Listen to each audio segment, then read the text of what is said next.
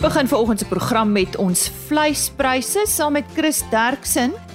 Dan praat ons met uh, eh, Dr. Danovan Reynolds van Hipra oor ensootiese abortus. Wat is die oorsaak, die behandeling en natuurlik baie belangrik die voorkoming. Kobus van Koller van die Viljoenskroon distrik het onlangs met Christelise Miller oor sy toepassing van bewarings- en herlewingslandbou gesels. Ons hoor wat hy te sê het en dan wat behels die waardasie van 'n plaas? Ruby Bradfield van Home and Hector Eiendomme beantwoord hierdie vraag.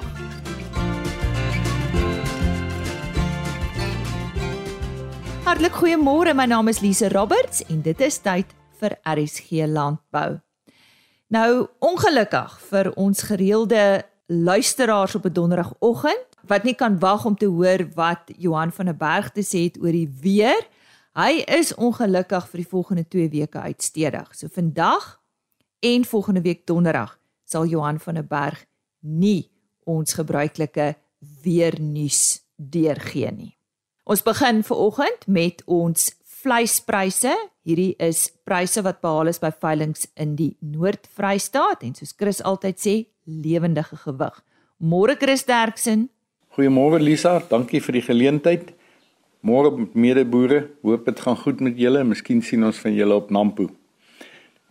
Baie belangrik, slagdiere se prys bly stabiel, maar voerbeeste se pryse is regtig nogal onder ernstige druk soos julle sal aflei in die pryse en dit is baie interessant dat bokke tot 'n baie groot mate die formele fundisie besigheid kortwiek en direk na die eindverbruikers gaan waar kopers dus groot maat by boere koop en dan direk na die eindverbruiker stuur. Maar ek gee vir julle die presiese pryse. Speenkalvers onder 200 kg R33.22 per kilogram lewendig en is regtig nie lekker om sulke pryse te gee nie, jy weet Dis amper R10 per kilo onder wat ons al gekry het in die verlede. En dit meen op 'n speenkalf in die orde van 2 na 3000 rand wat ons verloor daarop. Speenkalvers tot 250 kg R31.98 en oor 250 kg R29.78. A-klasse was R29.92, B-klasse R28.72, vetkoeie R23.71 en maarkoeie R19.15. Slagbulle soos altyd baie stabiel op R25.25. En vanaf die skaapmark stoorlammetjies R42.56, slaglammers R39.55, stoorskape R32 presies en vetskape R32.15. Hier is die bokpryse wat ek sê wat nogal moeilik is om te bepaal op die oomblik. Lammers R48.70 en ooe R42.50. En soos altyd indien ons enige verdere hulp kan gee, skakel maar enige tyd na 082 8075961 of u kan gaan na www.vleisprys.co.za. Baie dankie. Die stem daarvan Chris Derksen en hulle webtuiste net weer as jy weer na daardie pryse wil gaan kyk www.vleisprys.co.za As jy nou eers ingeskakel het, goeiemôre. Jy luister na RSG Landbou. Baie welkom. Ons vind nou weer uit oor ensootiese abortus en gesels met Dr. Donovan Reynolds van Hipra. Donovan, ja, wat is ensootiese abortus en hoekom is dit so belangrik? Baie dankie Lisa, dit is lekker om hier te wees. So ja, ensootiese abortus is 'n siekte tipies by kleinvee soos skape en bokke wat veroorsaak word deur die organisme Chlamydia abortus. Ons weet dat wanneer hierdie organisme beeste besmet, dit ook siekte tekens kan veroorsaak. Ons kan verlang gesels oor die belangrikheid van ensootiese abortus, maar as ek een merkwaardige ding moet uitlig oor hoekom ek dink dit so belangrik is, is dit omdat hierdie siekte tot enorme finansiële verliese vir die boer kan lei. Tipies wanneer dit sou uitbreek in 'n naïewe kudde, is wanneer ons baie groot skade sou sien met wat ons noem abortus storms en ons kry dan abortus syfers van so hoog as 30 tot selfs 70%. Is abortus die enigste gevolg of is daar enige ander kliniese tekens? Nee, anders as abortus, ons weet dat chlamydia oor die algemeen verskillende uh sisteme van die liggaam kan aantas. Maar vanuit 'n ekonomiese oogpunt is dit dikwels die reproduktiewe verliese wat die meeste aandag kry en uit daardie oogpunt kan chlamydia abortus ook stilgeboortes veroorsaak. Dis wanneer 'n lam doodgebore word na die volle termyn van dragtigheid of selfs baie meer algemeen die geboorte van baie swak of onderontwikkelde lammers wat nie verlang na geboorte oorleef nie. Of indien hulle oorleef, hulle baie intensiewe sorg sal benodig en waarskynlik vertraagde groei sal wys. Hoe word 'n die dier besmet? En zootiese abortus, um of hoe dit versprei deur die kudde is dikwels die oeye wat besmet sal raak wanneer hulle in aanmerking sou kom met 'n geaborteerde fetus, plasenta, vaginale uitskeidings of enige um besmette omgewingsmateriaal. Die infeksie gaan dan na die limfkliere en van hier kan ons twee moontlike roetes kry van die infeksiesiklus. Die eerste is wanneer oeye wat in vroeë stadiums van dragtigheid besmet raak, Dan wanneer hulle rondom dag 90 van dragtigheid bereik, dan gaan hierdie Chlamydia abortus organismes die plasenta binne en veroorsaak wat ons noem 'n nekrotiese plasentitis. Dit is maar eintlik net 'n luukse naam vir 'n vernietigende inflammasie van die plasenta tot so 'n mate dat lewe nie onderhou kan word nie en die ooit dan nou natuurlik sal aborteer. Die tweede moontlike roete is wanneer oeye wat nie dragtig is of oeye wat reeds in die latere stadiums van dragtigheid langer as 3 maande dragtig is, besmet sou raak. Hierdie oeye raak slegs subklinies besmet omdat Chlamydia abortus in 'n latente fase gaan en ons sien geen siektetekens nie. Dit is eers tydens die volgende dragtigheid wanneer daar heraktivering van Chlamydia abortus plaasvind om dan nou weer eens die plasenta binne te gaan en te vernietig en dan nou die abortus te veroorsaak, soortgelyk soos in die eerste situasie. En wat ook belangrik is om te onthou is dat tipies na hierdie aborsies sal oeye 'n baie hoë mate van Chlamydia organismes uitskei wat dan nou die infeksie verder in die res van die kudde sal besmet. Wanneer 'n ooi besmet word met Chlamydia abortus, bly sy 'n lewenslange draer wat dan in die risiko um, daar sit dat sy selfs tydens volgende gesonde lammings en hitte tydperke ook Chlamydia organismes sal uitskei. Hoe weet 'n produsent of hierdie wel die oorsaak is? Wel ja, dit kan soms uitdagend wees want ons weet daar is 'n baie lang lys van nie aansteeklike en aansteeklike oorsake van aborsies en daarom sal ek juis uh, produsente wil aanmoedig om gebruik te maak van hulle veeartse om diagnose te bevestig met behulp van laboratoriumtoetse. Hoe word dit behandel?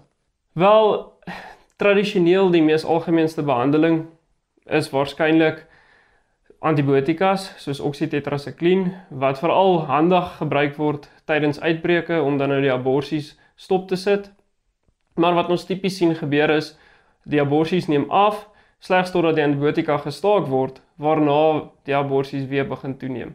En dit is omdat Chlamydia abortus die spesiale vermoë het om homself te versteek binne in die selle en Daarom kan ons sê dat antibiotika het slegs 'n effek op chlamydia wanneer dit in 'n sekere stadium van sy lewensiklus verkeer. So met ander woorde, antibiotika het maar 'n beperkte beheer oor hierdie siekte, veral in die langtermyn. En soos baie ander siektes dink ek verko bly voorkoming maar die beste benadering. Nou goed, voorkoming en beheer, hoe doen ons dit? Wel, voorkoming en beheer van enzootiese abortus uh, vereis versekerde holistiese benadering En dit is belangrik dat produsente um bewus sal wees van waar of hulle diere inkoop en wat die infeksiestatus is van hierdie nuwe diere wat dan nou in die kudde ingebring word. 'n Goeie biosekuriteitsprogram vereis dat boere aandagtig um besmette oeye sal identifiseer en isoleer en dan nou natuurlik ook die geaborteerde fetus, die plasenta of besmette omgewingsmateriaal sal verwyder en vernietig. Lam lammershokke moet ontsmet word en verkieslik vir 'n ten minste 'n week leeg en oop staan. En dan nou saam met goeie biosekuriteit is inenting ontsettend belangrik en deur die regte inentingsprogram poog ons nie net om die kliniese tekens soos aborsies of stilgeboortes te voorkom nie, maar ons wil ook die uitskeiding van Chlamydia organismes beperk en sodoende die verspreiding van die infeksie um verminder. So ja, ek hoop dit maak sin. Um maar basies is die antwoord met 'n goeie bestuursprogram wat streng biosekuriteit en inenting behels, kan produsente verseker die finansiële verliese wat gekoppel word aan ensootiese abortus beperk en verminder. Ek glo voorkoming is natuurlik altyd waarna 'n veeboer streef. Baie dankie aan Dr. Donovan Reynolds. Hy het vandag met ons gesels oor ensootiese abortus en hy is van Hipra. Vir meer inligting www.hipra.com.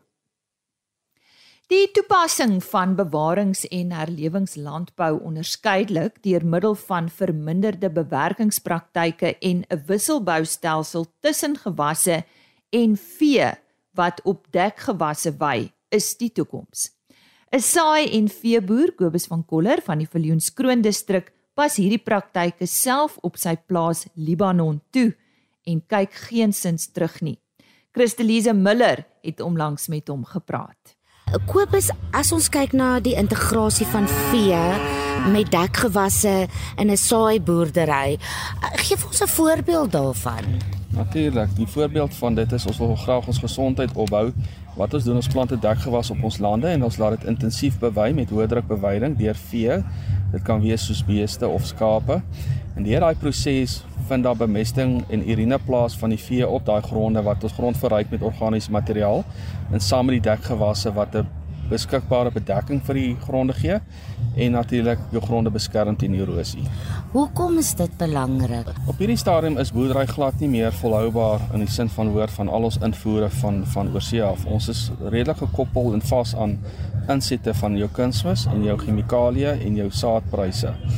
So ons wil kyk hoe kan jy wegkom om jou insette te verlaag wat om, op hierdie stadium ongelooflik duur is en natuurlik om droogtes beter te hanteer met jou gronde wat se se vrugbaarheid opgebou is. Want op hierdie stadium het ons ons gronde as kunsmatig hanteer en ons wil kyk of ons kan teruggaan na die natuur toe laat jy meer volhoubare opbrengs met jou nuwe gronde of uh, gesonder gronde kan kry.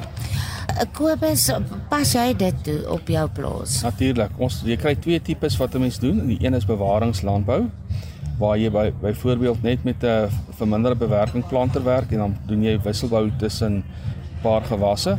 Maar wat ons nou doen is herlewingslandbou saam met dit en ons bring 'n dekgewas in en waar ons dan die vee opsit. En ons wil dit soos hulle amper sê mimiek van die Serengeti, die migration van vee wat deur jou deur jou lande beweeg en so dan dit verryk met met uh, met minerale. Wat wat sou wenke aan boere wat hierdie roete dalk wil volg? Ek dink baie belangrik is die woord heel eers kom weer by volhoubaarheid. So voordat jy wegspring in in, in net jou eie idee volg, gaan kyk in jou omgewing of daar boere is wat dit suksesvol toepas. Veral oor 4, 5 jaar al, dan weet jy daai daai manne sal deur 'n hele paar ek wil amper sê uitdagings wat vir jou kan wys korter paaie, vinniger maniere om by dit uit te kom doen dit eers op 'n klein skaal vir die eerste jaar raak vertroud met dit en dan kan jy wegtrek en op groot skaal doen. Kobus, is daar nog plek vir konvensionele boerdery in Suid-Afrika in jou mening?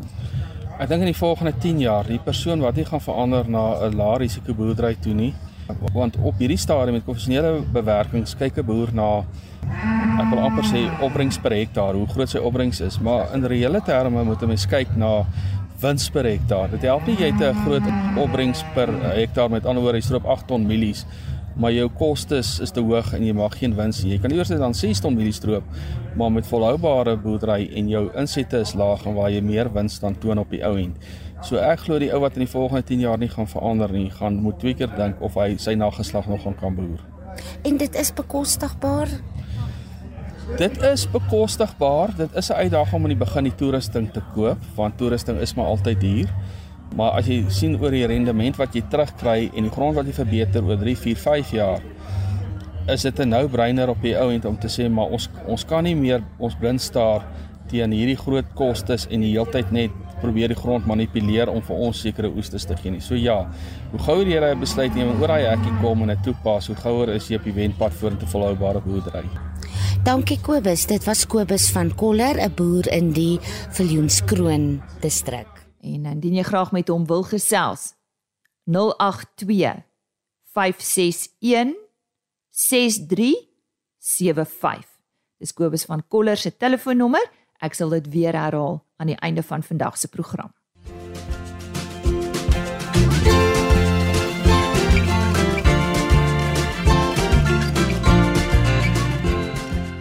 Ja, ons volgende onderwerp van bespreking is die waardasie van 'n plaas. Nou, het jy al gewonder hoe word 'n plaas waardeer? Wel, ek het uh, ons gesels uh, ook oor die algemeen oor die plaas eiendomsmark en hieroor dan vir meer duidelikheid met Ruby Bradfield. Sy's prinsipaal Home and Hector Eiendomme en dis natuurlik deel van die BKB groep. Ruby, môre, welkom by die program. Hoe lyk die plaas eiendomsmark tans as ons daarmee kan begin? Goeiemôre Lise en ook môre aan jou luisteraars.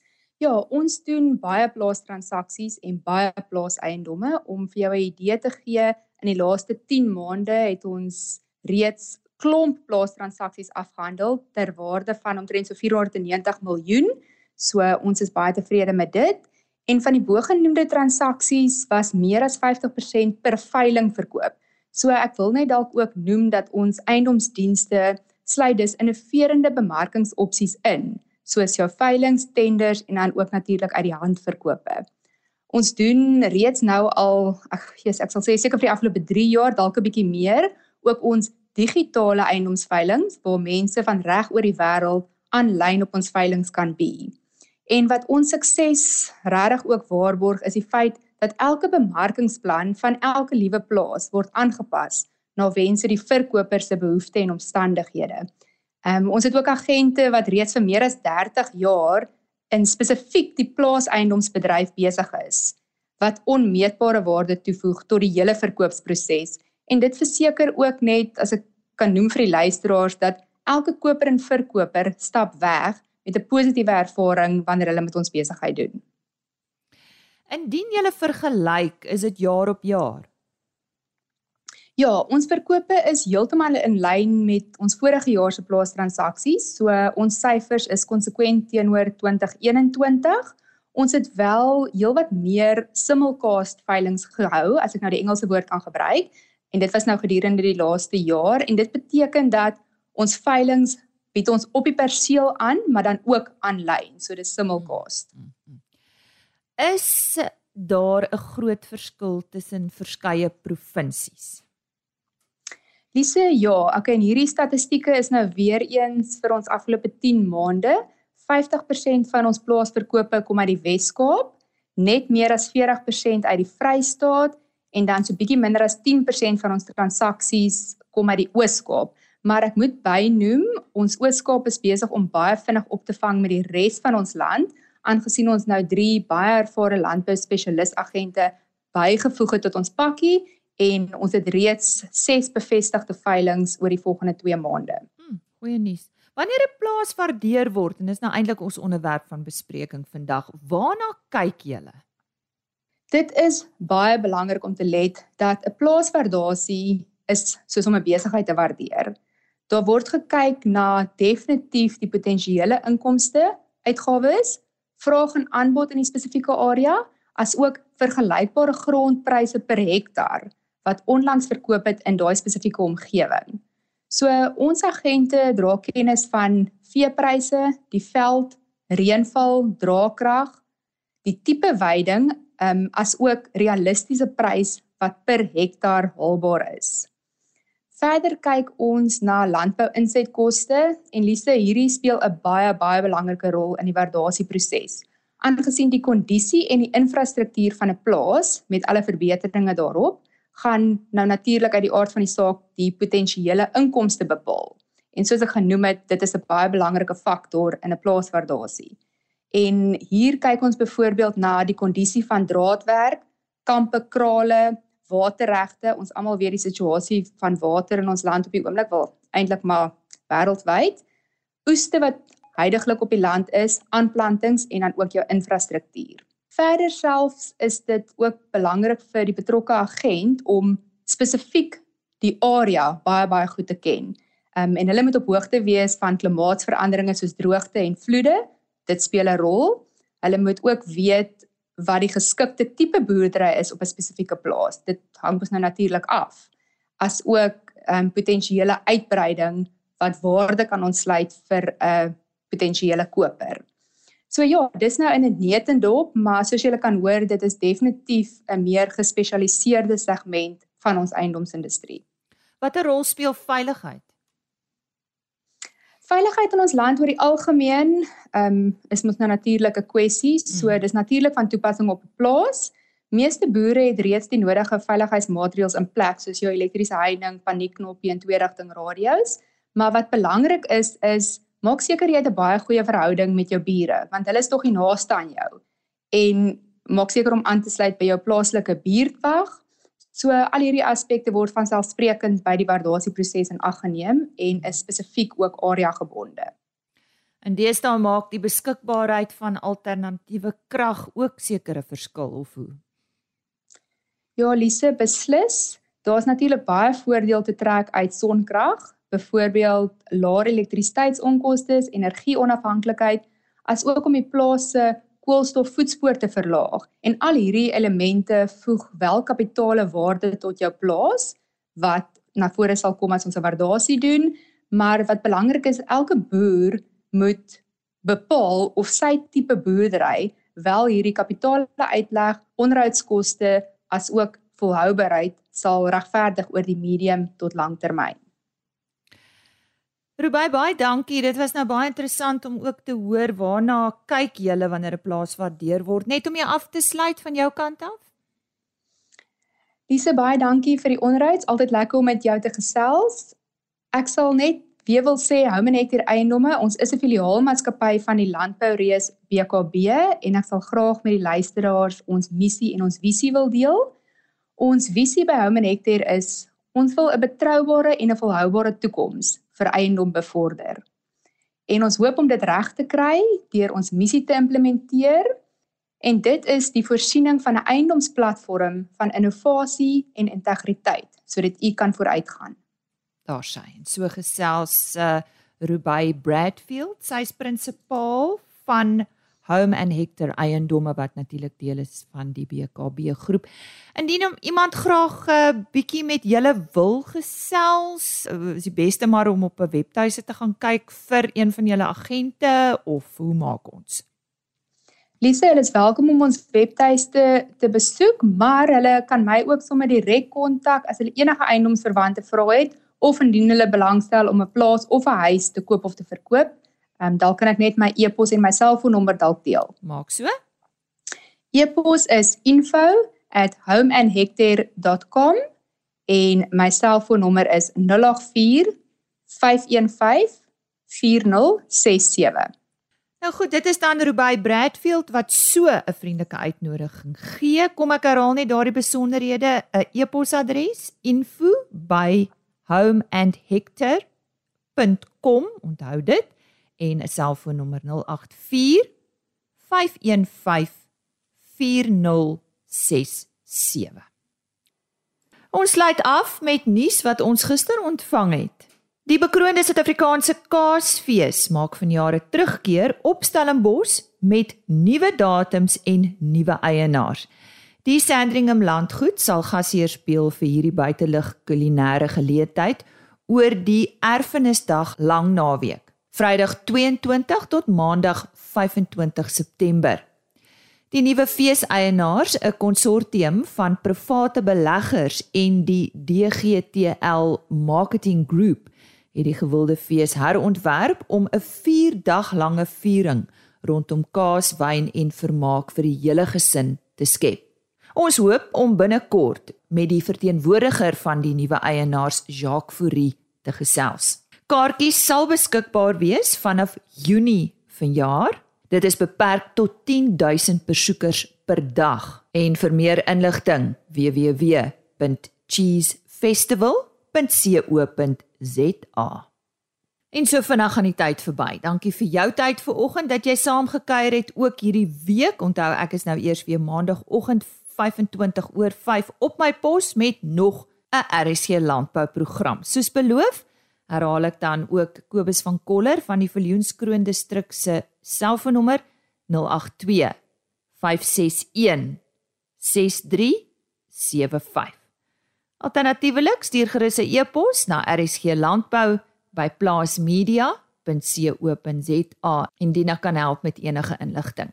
Ek sluit af met 'n webtuiste rsg.co.za. Daar is al die volledige RSG landbou programme. Jy kan ook www.agriorbit.com raadpleeg. Daar word die onderhoude afsonderlik gelaai en eh, ek herhaal net weer die e-posadres. rsglandbou@plaasmedia.co.za.